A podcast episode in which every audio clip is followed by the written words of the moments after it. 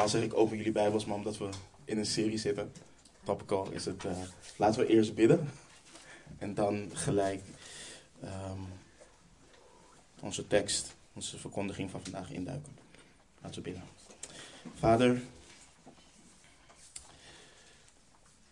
Heer, alleen u kunt onze harten verzachten om uw woord tot ons te nemen. Dat is ook ons gebed vanmorgen. Dat u spreekt door uw woord. Dat u ons wijst op de genade die we gevonden hebben in onze Heer Jezus Christus. Dat u um, ons wijst op uw liefde. Maar dat u ook wijst op de implicaties daarvan, Heer. Hoe wij dienen te wandelen als uw kinderen hier op aarde. Vader, we vragen om een zegen. En we bidden en we danken in de naam van Christus Jezus, onze Heer. Amen. Ik denk dat hij iets zachter mag, hè? Yes. Broeders en zusters, voor de mensen die het kennen, en sommigen kennen het misschien niet, maar de eerste vraag van de Heidelbergse catechismus leidt als volgt. Ik heb hem voor de kinderen heb ik hem in wat eenvoudiger Nederlands, dat ze hem eh, ook kunnen begrijpen. Maar de vraag is: wat is uw enige troost? Beide in het leven en sterven. Dus anders gevraagd: wat is je enige hoop? Beide in het leven en sterven. En let op het antwoord. Ik citeer: Dat ik voor altijd en helemaal met lichaam en ziel het eigendom van de Heere Jezus ben en niet meer voor mijzelf leef. Mijn trouwe zaligmaker heeft met zijn kostbaar bloed voor al mijn zonden volledig betaald. En hij heeft mij uit de macht van de duivel verlost. Mijn hemelse vader zorgt elke dag zo goed voor mij dat geen haar van mijn hoofd zal vallen als hij dat niet wil. Zelfs alles wat ik meemaak moet meewerken aan mijn zaligheid. Door de Heilige Geest verzekert Hij aan mij dat ik eeuwig bij Hem mag leven en Hij zorgt ervoor dat ik nu graag voor Hem wil leven. Broeders en zusters, de afgelopen weken zijn we een fundament aan het leggen in onze serie Een sterk huis. In het eerste deel hebben we gekeken naar het feit dat we geschapen zijn naar het beeld, naar de gelijkenis van de Heere God. We zijn geschapen naar het, naar het beeld, de gelijkenis van de levende en allerhoogste God. Dit brengt met zich mee wat onze identiteit is, in wie onze identiteit ligt en wat ons levensdoel is. Wij zijn geschapen wezens, mensen gecreëerd als beelddragers van de Heere God, om Hem te verheerlijken om Hem te aanbidden, om Hem lief te hebben. En dat is iets wat zich hoort te uiten in ieder aspect van ons leven. Omdat Hij de schepper is, is Hij het waard te ontvangen de heerlijkheid, de eer en de kracht. Want nogmaals, we hebben het gelezen in openbaring. Hij heeft alle dingen geschapen en door Zijn wil bestaan zij en zijn zij geschapen identiteit, levensdoel. Nou, op basis van onder andere 1 Korinthe 10, vers 31, waar we het volgende lezen. Apostel Paulus schrijft onder leiding van de Heilige Geest. Of u dus eet of drinkt of iets anders doet, doe alles tot eer van God. Of u dus eet of iets drinkt of, iets, of, of je dus eet of drinkt of iets anders doet, doe alles tot eer van God. Op basis van onder andere dit vers stelt het Westminster catechismus de vraag: wat is het hoogste doel van de mens? Waarom bestaat de mens?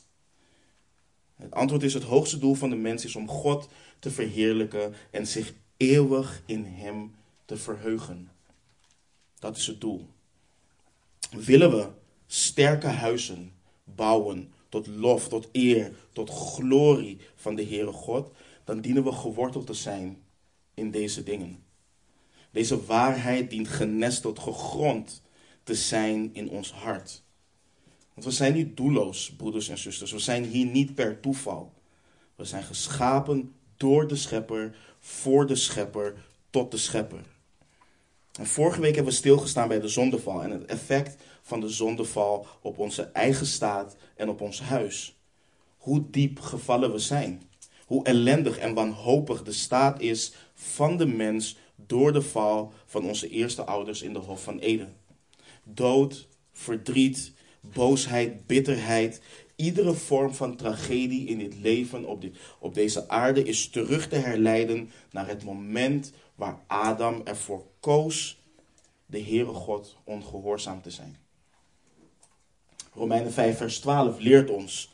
Daarom, zoals door één mens de zonde in de wereld is gekomen en door de zonde de dood en zo de dood over alle mensen is gekomen, in wie allen gezondigd hebben. Nou, de zondeval, zoals we vorige week hebben gezien, heeft een enorme impact op het huis. Overspel, hoererij, vijandschappen, ruzie, toorn, afgunst, woedeuitbarstingen, egoïsme, oneenigheid, leugens, schandelijke taal, liefdeloosheid, hoogmoed, haat, scheiding, al deze dingen en meer teisteren het huis. Al deze dingen en meer teisteren het huis. Kijk naar de wereld om je heen.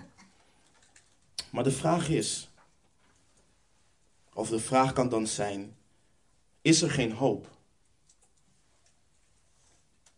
Is er geen hoop? En het antwoord is, ja, er is hoop. Er is hoop. En jullie hier beleiden samen met mij discipelen van de Heer Jezus te zijn. En ik wil jullie vragen, als dat zo is, te midden van wellicht alle moeite in je huis, getrouwd of alleenstaand, kind of kinderloos, geloof je echt dat er hoop is? Geloof je echt dat er hoop is? Want heiligen en geliefden, dit is een betrouwbaar woord en alle aanneming waard dat Christus Jezus in de wereld gekomen is om zondaars zalig te maken. In 1 Johannes 3, vers 5 schrijft de apostel Johannes over de Heer Jezus. En u weet dat Hij geopenbaard is om onze zonden weg te nemen. En zonde is er in Hem niet. U weet dat Hij geopenbaard is om onze zonde weg te nemen. En zonde is er in Hem niet. In Johannes 8, vers 36 spreekt de Heer Jezus. Als dan de Zoon u vrijgemaakt heeft, zult u werkelijk vrij zijn. Als dan de Zoon u vrijgemaakt heeft, zult u werkelijk vrij zijn. Weten jullie hoe dit door veel beleidende christenen wordt geïnterpreteerd? Ik ben vrijgemaakt, Gods toorn hangt niet meer boven mij. Ja, maar in hun levenswandel leven ze nog steeds gebonden. Nog steeds verbitterd, nog steeds vol van woede, nog steeds verteerd door lust, nog steeds vol met hoogmoed, nog steeds geen vreugde, nog steeds een gebrek aan liefde, nog steeds geen verlangen naar de Heere God. Continu verslagen door het leven. En wanneer ze wijst op deze dingen, is er vast wel een Bijbelvers of een externe factor wat deze dingen goed praat. Er is altijd wel een excuus. Er is altijd wel een reden. Maar broeders en zusters, de hoop die wij hebben. En we hebben dit eh, behandeld in onze reis door de brief aan de Filippenzen. Onze hoop is een eeuwige hoop, maar ook een hoop voor hier in dit leven. Hier op aarde als discipelen van de Heer Jezus Christus. Ook nu hebben we hoop. Besef dat. De hoop en verlossing die ons ten deel is gevallen, is niet alleen een hoop of verlossing wat in de toekomst ligt, maar ook hier in dit leven op aarde al van ons is. Het heeft implicaties hier en nu. En ik hoop voor zover mogelijk met mijn beperkt verstand en ondanks het feit dat ik geen woordkunstenaar ben of wat dan ook, jullie op het hart te mogen drukken wat de hoop en de kracht van het evangelie voor een ieder van ons is als individu en hoe dit hoort door te werken in ons huis. lieve mensen, nogmaals, vorige week zagen we, de, mensen, de mens is gebonden door de zonde. De mens is slaaf gemaakt door de zonde. De mens is geen zondaar omdat hij zondigt. De mens zondigt omdat hij een zondaar is. Zo worden mensen geboren. Maar de vraag die ik vaak krijg, en wellicht voor jullie ook, betekent dit dat de gevallen mens dan nooit iets goeds kan doen? Dat de mens bijvoorbeeld niet kan liefhebben? Dat de mens geen goede daad kan verrichten? Maar dat is niet wat het betekent. We zien veel liefdadigheid om ons heen in de wereld. We zien huwelijken. Mensen die 40, 50 plus jaar gelukkig getrouwd zijn met elkaar, maar de Heere God niet navolgen. We zien ongelovige vaders en moeders het beste willen met en voor hun kinderen. Dat is dus niet wat het kan zijn. Maar wij hebben nog een studie hiervoor gehad, onze eerste studie in deze serie, waar ik net naar refereerde. Dat is wat het fundament is. De schepping van de mens en de relatie van de mens tot de schepper. En een belangrijk punt hierin is ook de gehoorzaamheid van de mens aan wat de schepper geboden heeft. De mens gehoorzaamt de Heere God niet, want de mens is gevallen. Dus ook al zijn ongelovigen getrouwd met elkaar en zijn ze gelukkig, is hun huwelijk niet tot eer en glorie van God, waarvoor ze wel geschapen zijn. Ook al voeden ouders hun kinderen op met de beste intenties en zijn ze ongelovig, doen ze dat niet tot eer en glorie van God, waarvoor ze wel geschapen zijn. De mens gehoorzaamt de Heere God niet, want de mens is gevallen. Zoals ik net al zei, een slaaf van de zonde. Let op wat de apostel Paulus schrijft in Romeinen 6, vers 16. Hij schrijft het volgende. Weet u niet dat aan wie u uzelf als slaaf ter beschikking stelt tot gehoorzaamheid, u slaaf bent van wie u gehoorzaamt? Of van de zonde tot de dood, of van de gehoorzaamheid tot gerechtigheid. Dus aan wie u uzelf als slaaf ter beschikking stelt tot gehoorzaamheid. Je gehoorzaamt altijd iemand. Petrus schrijft het als volgt in 2 Petrus 2 vers 19. Daar schrijft hij het zo. Over valse leraren beschrijft hij, zij beloven aan hen vrijheid, terwijl zij zelf slaven van de verdorvenheid zijn. Want door wie iemand overwonnen is, van hem is hij ook een slaaf geworden. Door wie iemand overwonnen is, van hem is hij ook een slaaf geworden. De Heer Jezus zei het als volgt. Johannes 8, vers 34. Ik zeg u, voorwaar, voorwaar. Altijd wanneer je in de evangelie, eh, evangelie leest, voorwaar, voorwaar, let goed op. Je moet sowieso altijd opletten wanneer de Heer Jezus spreekt. Maar wanneer hij zegt voorwaar, voorwaar, let goed op. Voorwaar, voorwaar, ik zeg u. Ieder die de zonde doet, is een slaaf van de zonde. De mens is gebonden aan en door de zonde en doet niet wat de wil van de Heere God is. De mens is volledig onderworpen aan het vlees. Paulus schrijft hieraan, of hierover in Romeinen. In Romeinen 8, vers 7 en 8. Immers, het denken van het vlees is vijandschap tegen God. Het onderwerpt zich namelijk niet aan de wet van God, want het kan dat ook niet. Het kan dat ook niet. En zij die in het vlees zijn, kunnen God niet behagen. Ze kunnen God niet behagen. En dan zou je kunnen zeggen: oké, maar een ieder weet toch gewoon dat als je stilt, je een ander daarmee kwetst en je opgepakt kan worden en de gevangenis in moet. Hetzelfde geldt voor moord, hetzelfde geldt voor wat veel van, waar wij veel van noemen de erge en zichtbare zonde. Maar hoe zit het met de zonde die niet zichtbaar is? Want ik denk dat velen van ons ons, eh, in onze kenniskring langs kunnen gaan en zeggen: Niemand die ik ken is een dief. Niemand die ik ken is een moordenaar. Niemand die ik ken is X, Y, Z. Maar hoe zit het met afgunst? Hoe zit het met boosheid? Hoe zit het met hoogmoed? Hoe zit het met liegen? Hoe zit het met brutaliteit? Haat in het hart, roddelen. En bovenal afgoderij. Geen ontzag hebben voor de Heere God. Je wil je niet neerbuigen voor Hem. Kijk, en dit is wat we moeten beseffen.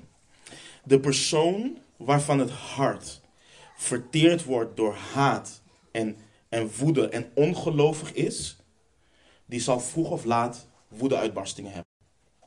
Waarom? Want die persoon heeft geen zelfbeheersing.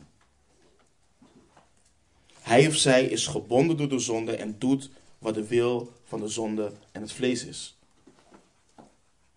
De persoon waarvan het hart verteerd wordt door lust, die zal vroeg of laat toegeven aan gemeenschap buiten het huwelijk, zal vroeg of laat toegeven aan pornografie of welke handeling de schrift ook hoererij noemt. Waarom? Die persoon heeft geen zelfbeheersing. Hij of zij is gebonden door de zonde en doet wat de wil van de zonde en het vlees is. En zo kun je doorgaan met voorbeelden, maar volgens mij snappen jullie het punt. En de vraag is dan, kunnen deze mensen niet werken aan hun voederproblemen? Kunnen ze niet werken aan hun lust? Absoluut. Ze kunnen van alles doen. Dronkaards en drugverslaafden gaan ook naar klinieken. Menselijk gezien en vleeselijk gezien kun je van alles proberen. Maar wat het probleem van de mens is, is ze zijn een slaaf van de zonde. En onderworpen daaraan en wat hun vlees wilt. Dus als het geen woede is, dan is het wat anders. Maar wat is de hoop dan? Wat is de hoop dan? Wat we zojuist lazen. Christus is geopenbaard om onze zonde weg te nemen. De zoon des mensen is gekomen om vrij te maken. De Heere Jezus gaf zijn leven aan het kruis voor jouw zonde en voor mijn zonde. Hij betaalde de schuld en droeg de straf die op ons lag. De straf die ons de vrede aanbrengt was op hem. En door zijn striemen is voor ons genezing gekomen. Wij dwaalden allen als schapen. Wij keerden ons ieder naar zijn eigen weg. Maar de Heere heeft de ongerechtigheid van ons allen op hem doen neerkomen. Christus is gestorven voor onze zonden. Hij is begraven en hij is opgewekt op de derde dag, precies zoals geprofeteerd is door de heilige, schrift, eh, door de heilige profeten. Overeenkomstig de schrift. Hij heeft het volbracht. Maar wat gebeurt er wanneer iemand deze blijde boodschap aanneemt? Wat gebeurt er wanneer iemand dit goede nieuws, het evangelie, gelooft? Laten we naar een paar dingen kijken. De toorn van de Heere God hangt niet meer boven deze persoon. Die persoon ontvangt eeuwig leven, zoals we kunnen lezen in Johannes 3, vers 36. De zonde van die persoon, de overtredingen worden die persoon vergeven, zoals we lezen in Efeze 1, vers 7. Ze worden weggedaan, uitgewist. Niet bedekt, uitgewist. Die persoon ontvangt leven. Die persoon wordt levend gemaakt zoals er staat in Efeze 2, vers 1. De wedergeboorte. Wat er in Johannes 3 wordt omschreven. Die persoon heeft vrede bij de Heere God, zoals er staat in Romeinen 5, vers 1. Die persoon is geen vijand meer van God. Die persoon leeft niet meer in vijandschap jegens God, maar is verzoend met God. Die persoon wordt aangenomen als een kind van de Heere God. Zoals er staat in 1 Johannes 3, vers 1 en 2. Of zoals er staat in Johannes 1, vers 12 en 13. Die persoon ontvangt de Heilige Geest. De geest van God komt in die persoon wonen. Hij wordt verzegeld met de Heilige Geest van de belofte, zoals er staat in onder andere Efeze 1, vers 13. Galaten 4, vers 6. Romeinen 8, vers 9. Romeinen 8, vers 15. En voor de snelle schrijver 2 Korinthe 5, vers 5. Maar nu, broeders en zusters, wat ook belangrijk is om te weten, is dat een persoon van het ene koninkrijk naar het andere koninkrijk is gebracht. Er is nu een andere macht die heerst over die persoon. Let op wat Paulus zegt in Handelingen 26. Paulus zegt waartoe hij wordt gezonden, uh, waartoe hij gezonden wordt naar de heidenen. Ehm, en wat er gebeurt. Handelingen 26, vers 18. Waarom wordt hij gezonden?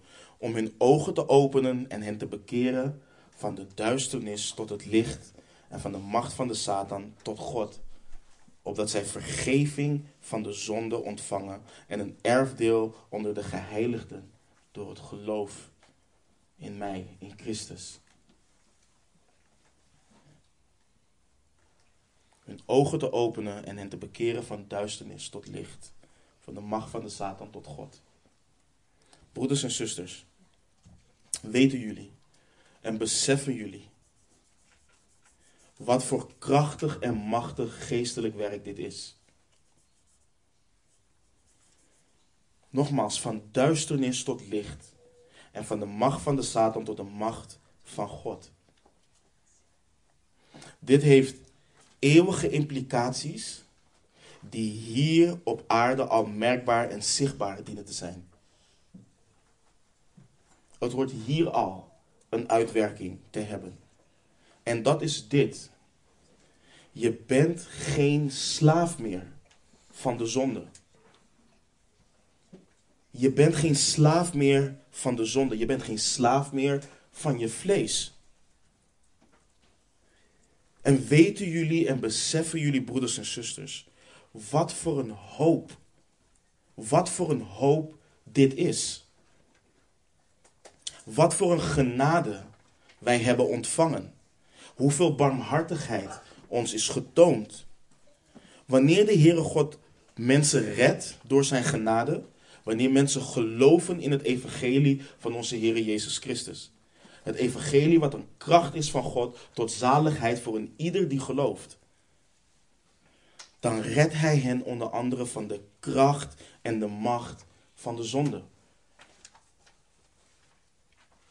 Hij bevrijdt hen. En de geest van de Heere God begint onmiddellijk een heiligingswerk in de persoon hier en nu op aarde om die persoon te vormen naar het beeld van de Zoon van God. Prijs de Heere God, halleluja. Wat een machtig werk is dit. Maar ondanks, en hier hebben we vaker over gehad, ondanks dat we nieuwe scheppingen zijn in onze Heer Jezus Christus, is er een strijd die woedt in ons. Er is een strijd gaande in ons. Paulus omschrijft het als volgt in Galaten 5 vers 17. Want het vlees begeert tegen de geest in en de geest tegen het vlees in. En die staan tegenover elkaar, zodat u niet doet wat u zou willen. Het vlees begeert tegen de geest in en de geest tegen het vlees in. Ze staan tegenover elkaar. Wat heerlijk zou het zijn als we nooit meer boos zouden worden. Als we geen begeerte zouden hebben die tegen de geest ingaan. Maar de realiteit is dat we hier nog steeds mee te kampen hebben. Een christen is in zijn of haar gedrag niet volmaakt. Maar wat kijken we uit naar die dag dat het lichaam wordt opgewekt in onvergankelijkheid? Wat kijken we uit naar die dag dat we dit vergankelijke uit mogen doen en bekleed mogen zijn met het onvergankelijke. Dit sterfelijke met onsterfelijkheid, vrij van zonde en verderf. Ik hoop dat jullie daarnaar uitkijken. Maar we hebben ook nu hier hoop. We hebben ook nu hoop, wat voortvloeit uit het evangelie. We hebben ook nu beloften van de Heere God waarin we moeten staan en waarin we kunnen wandelen als discipelen van de Heere Jezus. We lazen zojuist, het staat er nog, gelaten 5:17. Maar als je in je Bijbel daar naartoe gaat en het vers daarboven leest, dan lezen we het volgende. Gelaten 5 vers 16. Paulus zegt dit. Of hij schrijft dit. Maar ik zeg, wandel door de geest en u zult zeker de begeerte van het vlees niet volbrengen. In de oproep zit een belofte. Lees het weer. Wandel door de geest en u zult zeker de begeerte van het vlees niet volbrengen. Is wandelen door de geest dat we op een roze wolk zweven en we weten niet wat we doen en we voelen ons altijd goed en Nee, dat is niet wat het is. Paulus schrijft: als je je onderschikt, als je je onderwerpt aan de geest, als je de geest gehoorzaamt, als je je onderschikt aan de wil van de Heere God, dan zul je de begeerte van het vlees niet volbrengen. Als je doet wat God zegt. Dat is wat hij schrijft. En Paulus maakt hier en in het vers wat we zojuist hebben gelezen zo duidelijk. En dit is wat we goed moeten begrijpen. Je kunt niet zowel de wil van de Heere God doen als de wil van je vlees. Het kan niet. Die twee staan tegenover elkaar. Ze gaan tegen elkaar in. Dus je onderschikt je altijd aan een van de twee. Want er is geen neutraal terrein hierin. Je gaat niet even op grijs gebied staan. Of je wandelt door de geest, of je wandelt door, de, door, door het vlees. Wandel je door de geest, dan zul je zeker de begeerte van het vlees niet volbrengen. Wandel je door het vlees, dan zul je zeker niet de begeerte van de geest volbrengen.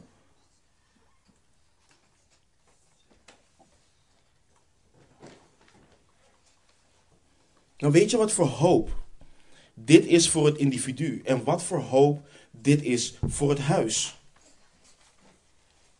Want de persoon die kampt met haat, met woede, met woedeuitbarstingen, met lust of wat voor begeerte dan ook, die hoeft hier niet meer door de kracht en de genade van God aan toe te geven.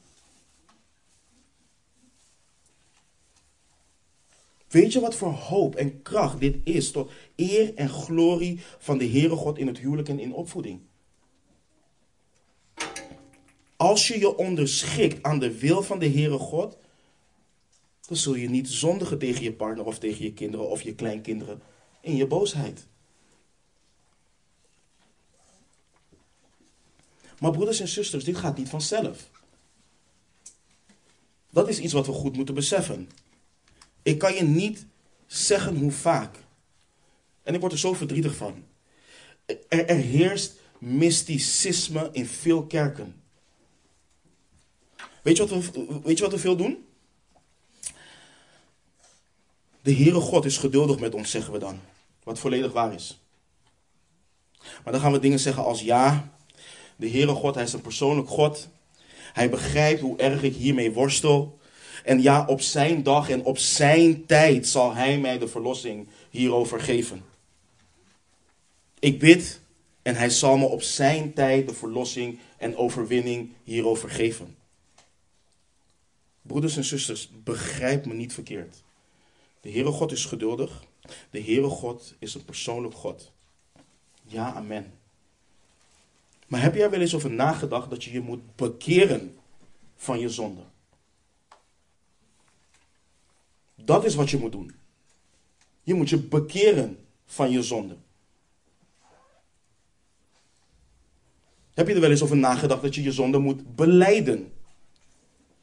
Dat de Heere God geboden geeft om die te gehoorzamen. Het klinkt zo vroom. Oh, ik bid drie, vier weken. En in die tussentijd zal ik gewoon blijven toegeven, want de Heere God heeft me nog niet de verlossing daarover gegeven. Hoe heilig klinken we wel niet als we dat zeggen? Maar je moet je bekeren. Je moet je gewoon bekeren. Dat is wat je moet doen. Let op wat er staat in Romeinen 13, vers 14. Maar bekleed u met de Heere Jezus Christus en verzorg het vlees niet om begeerten op te wekken. Bekleed u met de Heere Jezus Christus en verzorg het vlees niet om begeerten op te wekken. Wat schrijft de apostel Paulus? Doe geen dingen die ervoor zorgen, of laat je niet in met dingen die ervoor zorgen dat je vlees zijn gang kan gaan. Dat is wat hij zegt. Bid hiervoor. Bid hier absoluut actief voor. Maar onthoud ook gewoon dat dit een gebod is wat we niet alleen dienen te gehoorzamen, maar dat dit een gebod is wat we kunnen gehoorzamen onder leiding en in gehoorzaamheid van de Heilige Geest. Onthoud ook dat als je blijft zondigen, dat je klaarblijkelijk bezig bent met het vlees te verzorgen en niet de geest. Dat is gewoon wat dit is. We kunnen ons soms heel vroom willen doen klinken en doen alsof we slachtoffers zijn van onze zonde, maar dat zijn we niet. We zijn geen slachtoffers van onze zonde. We hebben een nieuwe Here. We hebben een nieuwe Meester. We zijn van duisternis, duisternis naar licht gegaan. We zijn vrij. We zijn vrijgemaakt. En voor het geval de apostel Paulus, en dat wordt hier heel vaak gevonden, wettisch gevonden wordt, schrijft de apostel Petrus het volgende in 1 Petrus 2, vers 11. Geliefden, ik roep u op als bijwoners en vreemdelingen u te onthouden van de vleeselijke begeerten die strijd voeren tegen de ziel. Ik roep u op als bijwoners en vreemdelingen u te onthouden van de vleeselijke begeerten die strijd voeren tegen de ziel. Let op wat Petrus niet doet. Petrus ontkent de strijd niet. Hij ontkent het niet. Het is niet alsof, Petrus, alsof het Petrus ontbreekt aan empathie of dat hij niet in contact staat met de realiteit.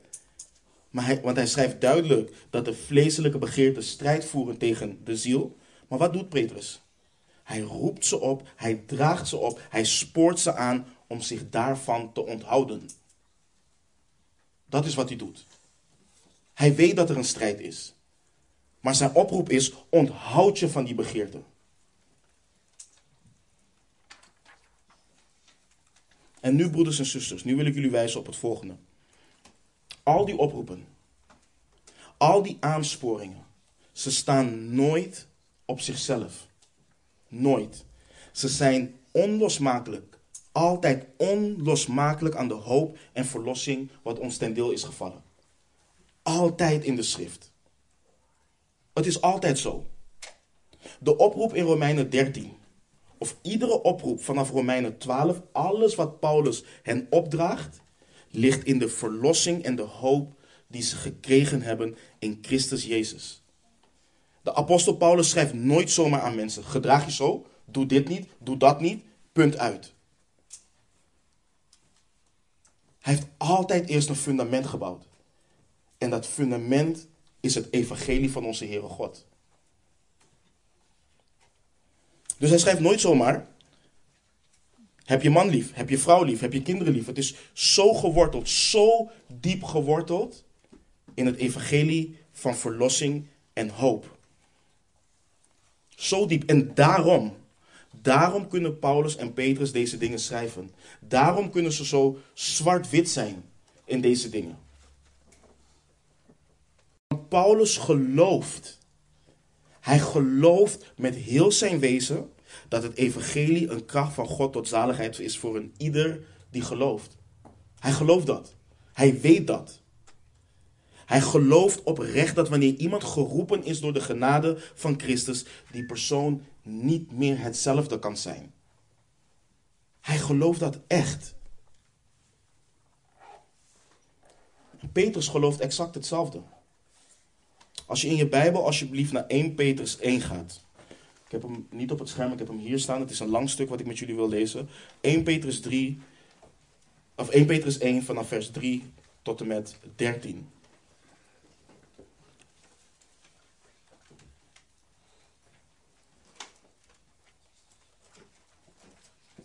1 Petrus 1 vanaf vers 3 tot en met 13. Dan lezen we het volgende.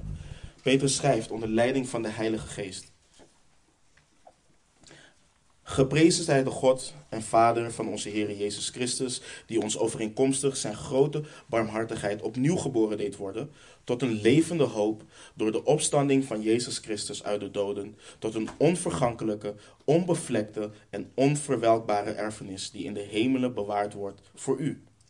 U wordt immers door de kracht van God bewaakt, door het geloof tot de zaligheid die gereed ligt om geopenbaard te worden in de laatste tijd. Daarin verheugt u zich. Verheugt u zich. Ook al wordt u nu voor een korte tijd, als het nodig is, beproefd door allerlei verzoekingen, opdat de beproeving van uw geloof, die van groter waarde is dan die van goud, dat vergaat en door het vuur beproefd wordt, mag blijken te zijn tot lof en eer en heerlijkheid bij de openbaring van Jezus Christus. Hoewel u hem niet gezien hebt, hebt u hem toch lief. Hoewel u hem nu niet ziet, maar gelooft, verheugt u zich met een onuitsprekelijke en heerlijke vreugde. En verkrijgt u het einddoel van uw geloof, namelijk de zaligheid van uw zielen. Naar deze zaligheid hebben de profeten, die geprofeteerd hebben over de genade die, die aan u bewezen is, gezocht en gespeurd. Zij onderzochten op welke en wat voor tijd de geest van Christus, die in hen was, doelde toen hij tevoren getuigde van het lijden dat op Christus komen zou. En ook van de heerlijkheid daarna. Aan hen werd geopenbaard dat zij niet zichzelf, maar ons dienden in de dingen die u nu verkondigd zijn door hen die u het evangelie verkondigd hebben door de Heilige Geest die vanuit de hemel gezonden is. Dingen waarin de engelen begeerig zijn zich te verdiepen. Let op vers 13. Omgord daarom de lendelen van uw verstand, wees nuchter en hoop volkomen op de genade die u gebracht wordt in de openbaring van Jezus Christus. Twaalf versen lang zie je geen aansporing, geen oproep, niks. Vers 13 krijg je een aansporing. Omgord daarom de lendelen van uw verstand. Wees nuchter en hoop volkomen op de genade die u gebracht wordt in de openbaring van Jezus Christus. Waarin ligt die aansporing? Wat schrijft Petrus in vers 13? Omgord daarom. Daarom schrijft hij. Het ligt in de hoop op de verkregen zaligheid in Christus. Niet in hunzelf, niet in Paulus of niet in Petrus, in niets anders dan de hoop in Jezus Christus. Dat is waar die oproep in ligt. We hebben hem niet gelezen, maar als je versen 15 en 16, waar wordt geschreven over het heilig zijn, het heilige leven. Waar ligt dit in? In het feit dat Hij, die hun geroepen heeft, de Heere God, heilig is. Daarin ligt dat. In hoofdstuk 2 van dezelfde brief. De oproep om als bijwoners en vreemdelingen die we zojuist hebben gelezen, u te onthouden van de vleeselijke begeerten die strijd voeren tegen de ziel. Waarin ligt die oproep? Onder andere in wat we zojuist lazen, maar ook in wat er daarboven staat. Het komen naar hem als een levende steen die door de mensen verworpen is, maar bij God uitverkoren en kostbaar. In het feit dat we door de genade die we hebben ontvangen een uitverkoren geslacht zijn. Een koninklijk priesterschap. Een heilig volk dat God zich tot zijn eigendom maakte. Het feit dat we door Hem uit duisternis zijn geroepen tot Zijn wonderbaar licht. Het feit dat we voorheen geen volk waren, maar nu God, Gods volk zijn. Dat we zonder ontferming waren en nu in ontferming aangenomen zijn. Dat is waar dit allemaal in ligt. Dat is waar dit allemaal in ligt. Dit evangelie waarin we allemaal hopelijk staan. Dit evangelie wat verlost van nu af tot in alle eeuwigheid.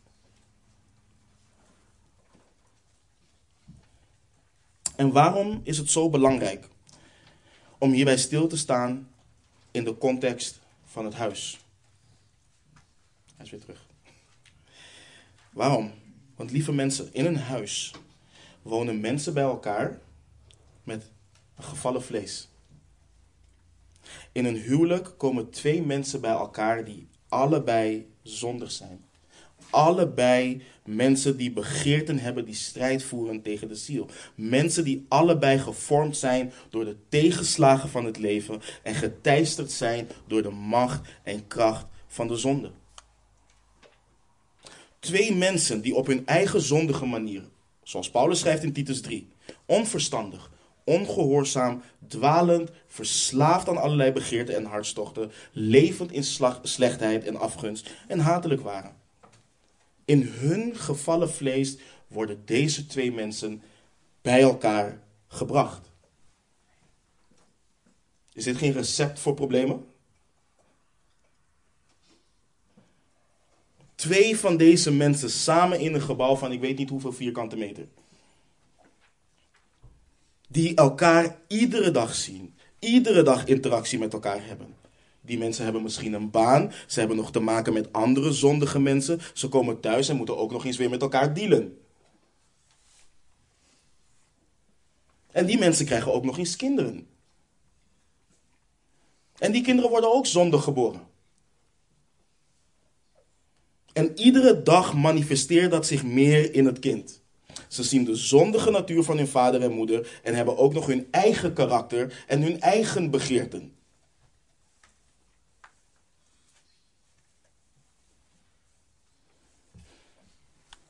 Maar het hoort niet zo te zijn. En dat is het niet voor het huis wat op de rots wordt gebouwd. Dat hoort het niet te zijn en dat hoeft het ook niet te zijn voor het huis wat op de rots wordt gebouwd. In dat huis hoort door tenminste één persoon, en ik zeg bewust tenminste één persoon, want het kan zo zijn dat je getrouwd bent samen en dat, je tot, dat één tot geloof is gekomen, maar je partner nog niet. Of het kan zijn dat je alleen staan bent met een kind, maar er door één of meerdere, uh, maar, maar er door één of meerdere in het huis hoort er. En dit is zo belangrijk. In het huis op de rots hoort er in het huis goddelijke genade, barmhartigheid, liefde, zachtmoedigheid, geduld, rechtvaardigheid, blijdschap, vrede, goedheid, zelfbeheersing en nederigheid te zijn.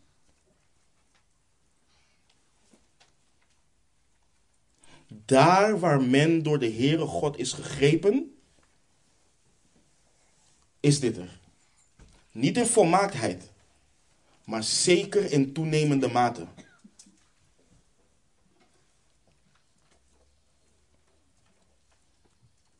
Lieve mensen, Paulus schrijft onder leiding van de Heilige Geest. Hij schrijft de inspiratie van God dat als iemand in Christus is, hij een nieuwe schepping is. Het oude is voorbij gegaan. Het oude is voorbij gegaan. Zie, alles is nieuw geworden. En dit alles is uit God, die ons met zichzelf verzoend heeft door Jezus Christus en ons de bediening van de verzoening gegeven heeft. En nu gewoon om Paulus te citeren. Dit zeg ik en dan. Dit zeg ik dan en getuig ervan in de Heer. Dit hoort in het huis. Dit hoort in het huis. Dat u niet meer wandelt zoals de andere heidenen wandelen in de zinloosheid van hun denken. Verduisterd in het verstand, vervreemd van het leven dat uit God is, door de onwetendheid die in hen is, door de verharding van hun hart. Let goed op wat Paulus schrijft. Hij maakt een onderscheid. Jij bent niet als die heidenen. Je bent niet meer die persoon. Je hoort niet meer te leven als de wereld. Dit hoort niet te zijn in jou en in jouw huis.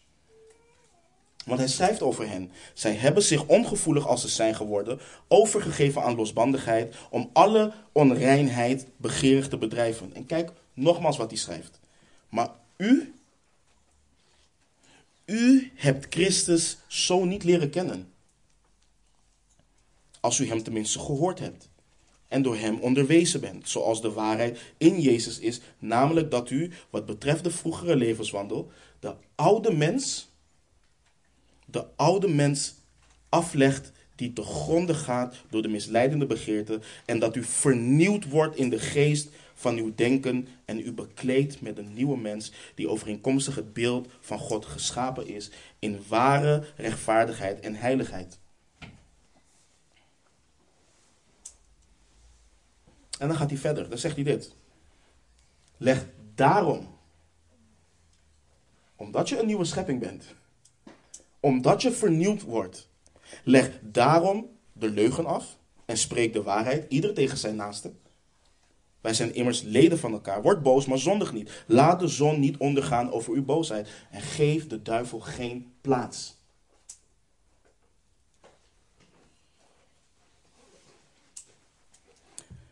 De Colossense schrijft hij: Dood dan uw leden die op de aarde zijn: ontucht, onreinheid, hartstocht, kwade begeerte en de hebzucht die afgoderij is.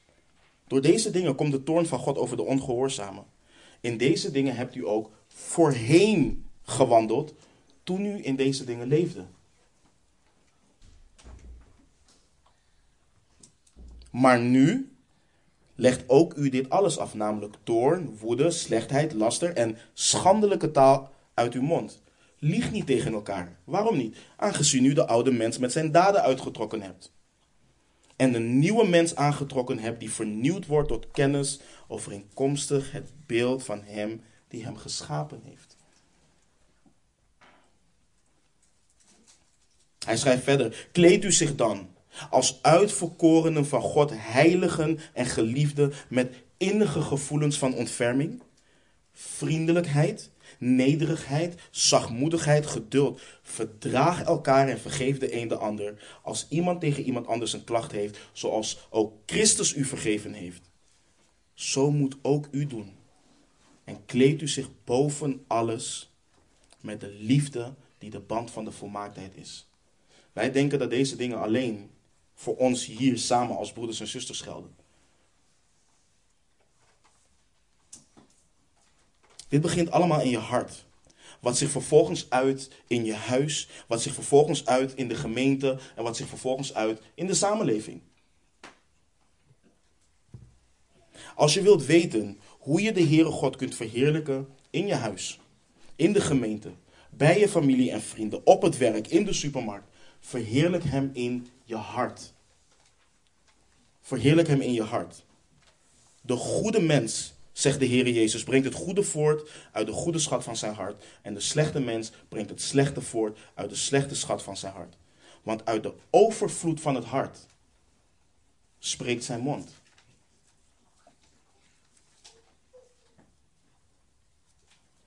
Broeders en zusters, ik hoop, ik hoop oprecht dat dit land in onze harten ik hoop oprecht dat dit ons denken hernieuwt, dat het ons transformeert.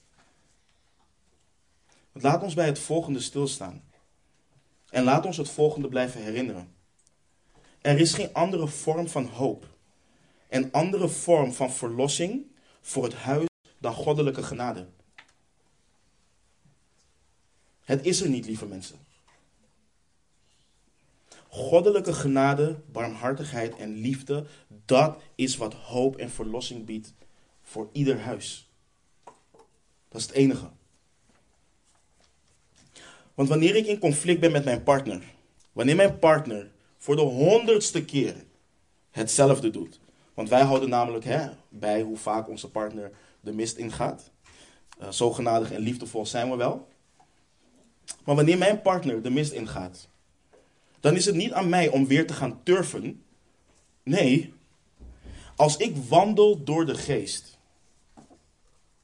dan moet ik mezelf juist in die situatie herinneren aan de genade, liefde en barmhartigheid die mij iedere dag bewezen wordt in Jezus Christus. Iedere dag. Dat is één. Vervolgens hoor ik als mijn partner een wedergeboren discipel is, mezelf te herinneren aan het feit dat we deelgenoten zijn van dezelfde genade. We zijn deelgenoten van dezelfde genade. Dit is niet alleen mijn, mijn partner, dit is ook mijn broeder of mijn zuster. Dat houdt dus in dat iedere aansporing in de schrift tot eensgezindheid, liefde, verdraagzaamheid, vergeving, alles wat aan de gemeente wordt geschreven, op dat moment van toepassing is in die situatie. Dat is wat ik mezelf dien te beseffen. En waarin, waaraan ik mezelf dien te herinneren. En ik, ik zeg bewust, ik moet mezelf daaraan herinneren. Want we hebben de tendens om te zeggen: Oh nee, dit is gebeurd, want God heeft het me niet herinnerd. Nee, je moet je actief, actief moet je jezelf hieraan herinneren. Als mijn partner niet wedergeboren is, dan dien ik mijzelf te herinneren aan het feit dat ook ik ongehoorzaam was. Dat ook ik onverstandig was. Dat ook ik gebonden was door de zonde.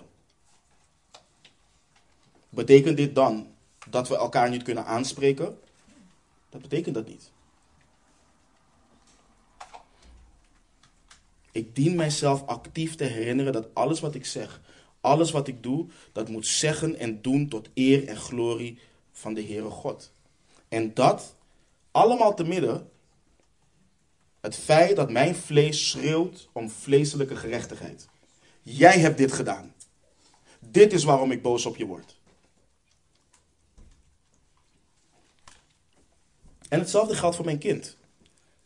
En de hoop voor ons is dat wij verlost zijn en geen slaven meer zijn van ons vlees en door de genade van de Heere God al deze dingen kunnen doen. Dit is wat ik wil dat jullie zien. We kunnen het doen. Luister, broeders en zusters. De geest die in jou en in mij woont, is de geest die Christus uit de doden heeft opgewekt. Dat is de geest die in ons woont. Het is de geest van de waarheid, de geest van de liefde, de geest, de trooster die gezonden is om Jezus Christus, onze zaligmaker, te verheerlijken. Waag het dus niet om te zeggen, mijn vlees is te sterk. Waag het niet om te zeggen, maar dit is hoe ik ben. Waag het niet om te zeggen, maar je weet niet waar ik allemaal mee te dealen heb. Dat is de geest die in ons woont. En het is de apostel Paulus die schrijft in Romeinen 8, vers 12. Wel nu, broeders. Wij zijn aan het vlees niet verplicht om naar het vlees te leven. Wij zijn, naar het vlees, wij, zijn, wij zijn aan het vlees niet verplicht om naar het vlees te leven. Paulus leert ons door de geest dat we door het verlossende werk van Jezus Christus en de inwoning van de geest in ons, we ons vlees niets verplicht zijn. We zijn ons vlees niet verschuldigd. Want ons vlees is niet de heerser over ons. Toen we nog in duisternis waren, waren we ons vlees alles verschuldigd. Want ons vlees was onze Heer en Meester. Maar nu zijn we vrijgekocht. Met het kostbare bloed van het lam. En hebben we een nieuwe Heer en Meester. Jezus Christus de rechtvaardige. Hem gehoorzamen we. Hem volgen we na. En dat allemaal onder leiding en kracht van de geest die in ons woont en in ons leeft. Om Hem te verheerlijken.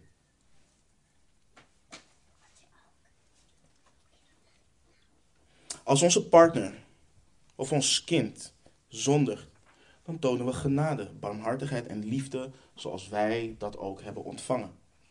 Nogmaals, dit houdt niet in dat je elkaar niet aan, uh, terechtwijst, aanspreekt op zonde. Dit houdt niet in dat je elkaar niet oproept tot bekering. Want dat zie je vaak.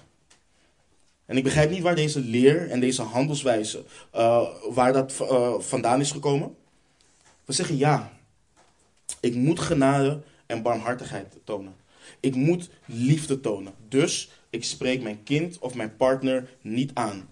Ondertussen koken we van binnen van frustratie, koken we van woede, raken we verbitterd en in, niet in de al te verre toekomst zal die frustratie, woede of verbittering eruit komen. Dat is geen genade, dat is geen barmhartigheid, dat is geen liefde.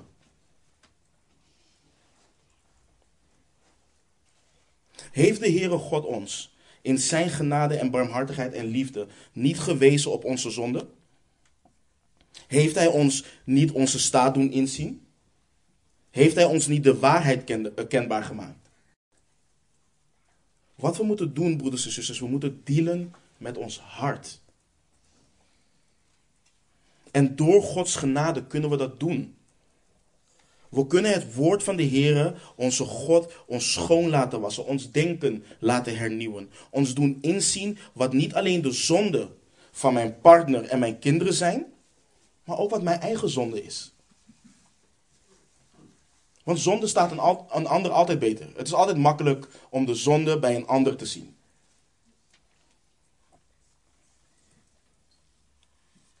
Niet om gefrustreerd en verbitterd te worden door de zonde van de mensen in mijn huis, maar juist om net zo hard te rouwen over de zonde die er nog in mij is.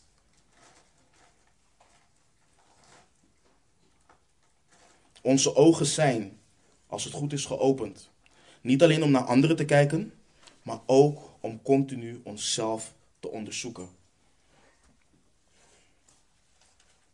Als we ware ware verlossing en ware hoop voor ons huis willen, dan moet de genade, barmhartigheid, liefde en gerechtigheid van God, getoond in Jezus Christus, regeren in ons huis. En het moet als eerste regeren in ons hart. En mogen dit zo zijn bij en voor ons allen mogen we herinneren dat we geroepen zijn tot een persoonlijke relatie met onze zaligmaker die ons zijn geboden heeft gegeven. En zijn geboden zijn geen zware last. En mogen we blijven herinneren dat als we onze ogen gericht houden op de leidsman en voleinder van ons geloof, dat we niet zonder strijd zullen zijn, maar dat we de verlossing en hoop hebben en in en door Christus als overwinnaars deze strijd voeren. En het is een strijd. Want nogmaals, als we in conflict liggen, dan schreeuwt ons vlees om gerechtigheid. Maar niet de gerechtigheid van God.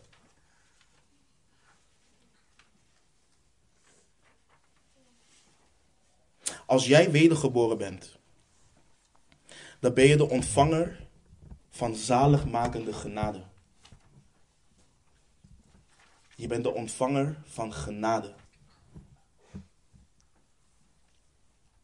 Wat je niet verdient, dat heeft God je vrijheid gegeven.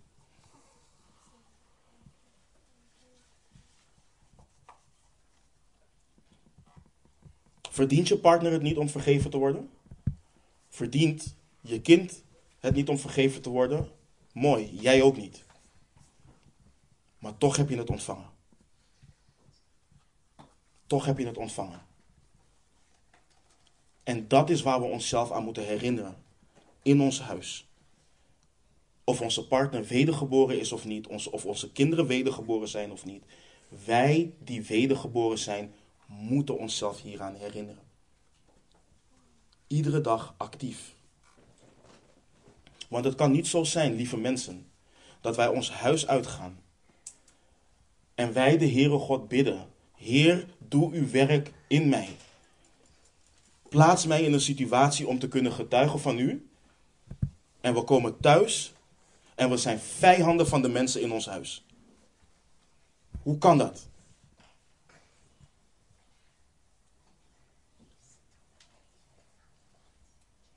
Er is hoop voor ons. Er is verlossing voor ons in Christus Jezus.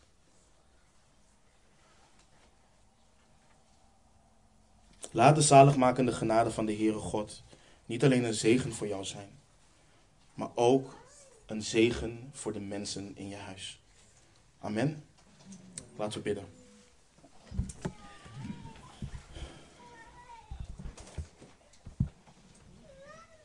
Genadige Vader. Wat bent u goed, Heer.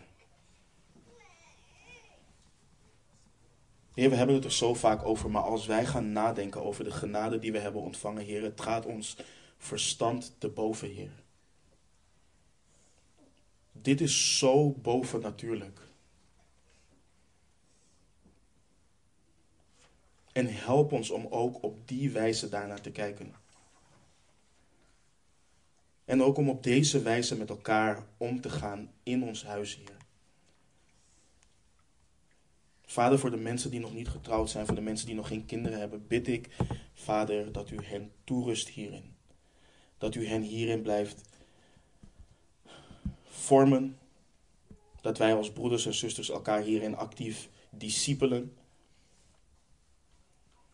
En voor ons, Heer, die al getrouwd zijn, die kinderen hebben, die wellicht kleinkinderen hebben, Heer. Vader, help ons om te staan in de verlossing en de hoop die wij hebben gekregen. En help ons om dat ook te tonen, Heer. Aan de mensen in ons huis die u ons geschonken hebt, Heer. U bent een goede God, Heer. We houden van u. We danken u. We loven u en we prijzen uw heilige naam. In de machtige naam van onze zaligmaker en onze Heer. In de naam van Jezus Christus. Amen.